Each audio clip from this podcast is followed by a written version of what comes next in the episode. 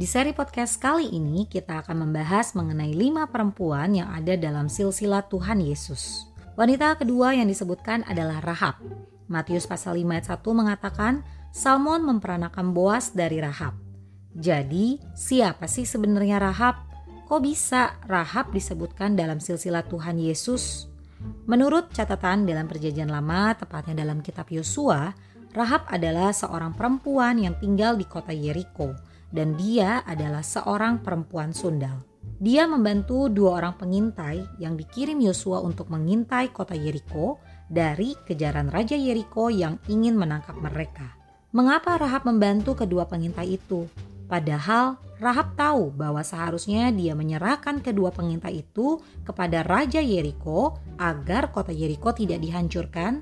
Rahab tahu dan mengenal siapakah Allah orang Israel. Yosua pasal 2 ayat 9 sampai 10 mengatakan, "Aku tahu bahwa Tuhan telah memberikan negeri ini kepada kamu dan bahwa kengerian terhadap kamu telah menghinggapi kami dan segala penduduk negeri ini gemetar terhadap kamu.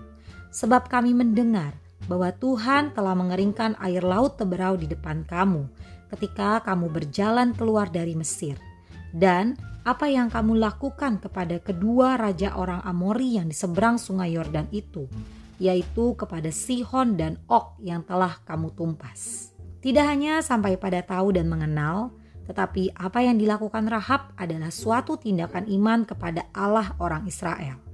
Yosua pasal 2 ayat 11 sampai 13 menunjukkan bahwa Rahab menerima, menyembunyikan dan membebaskan kedua pengintai dengan harapan dia dan keluarganya akan dilepaskan dari maut. Teman-teman, karena imanlah Rahab dapat diselamatkan dari maut. Dia percaya kepada Allah dengan sepenuh hati.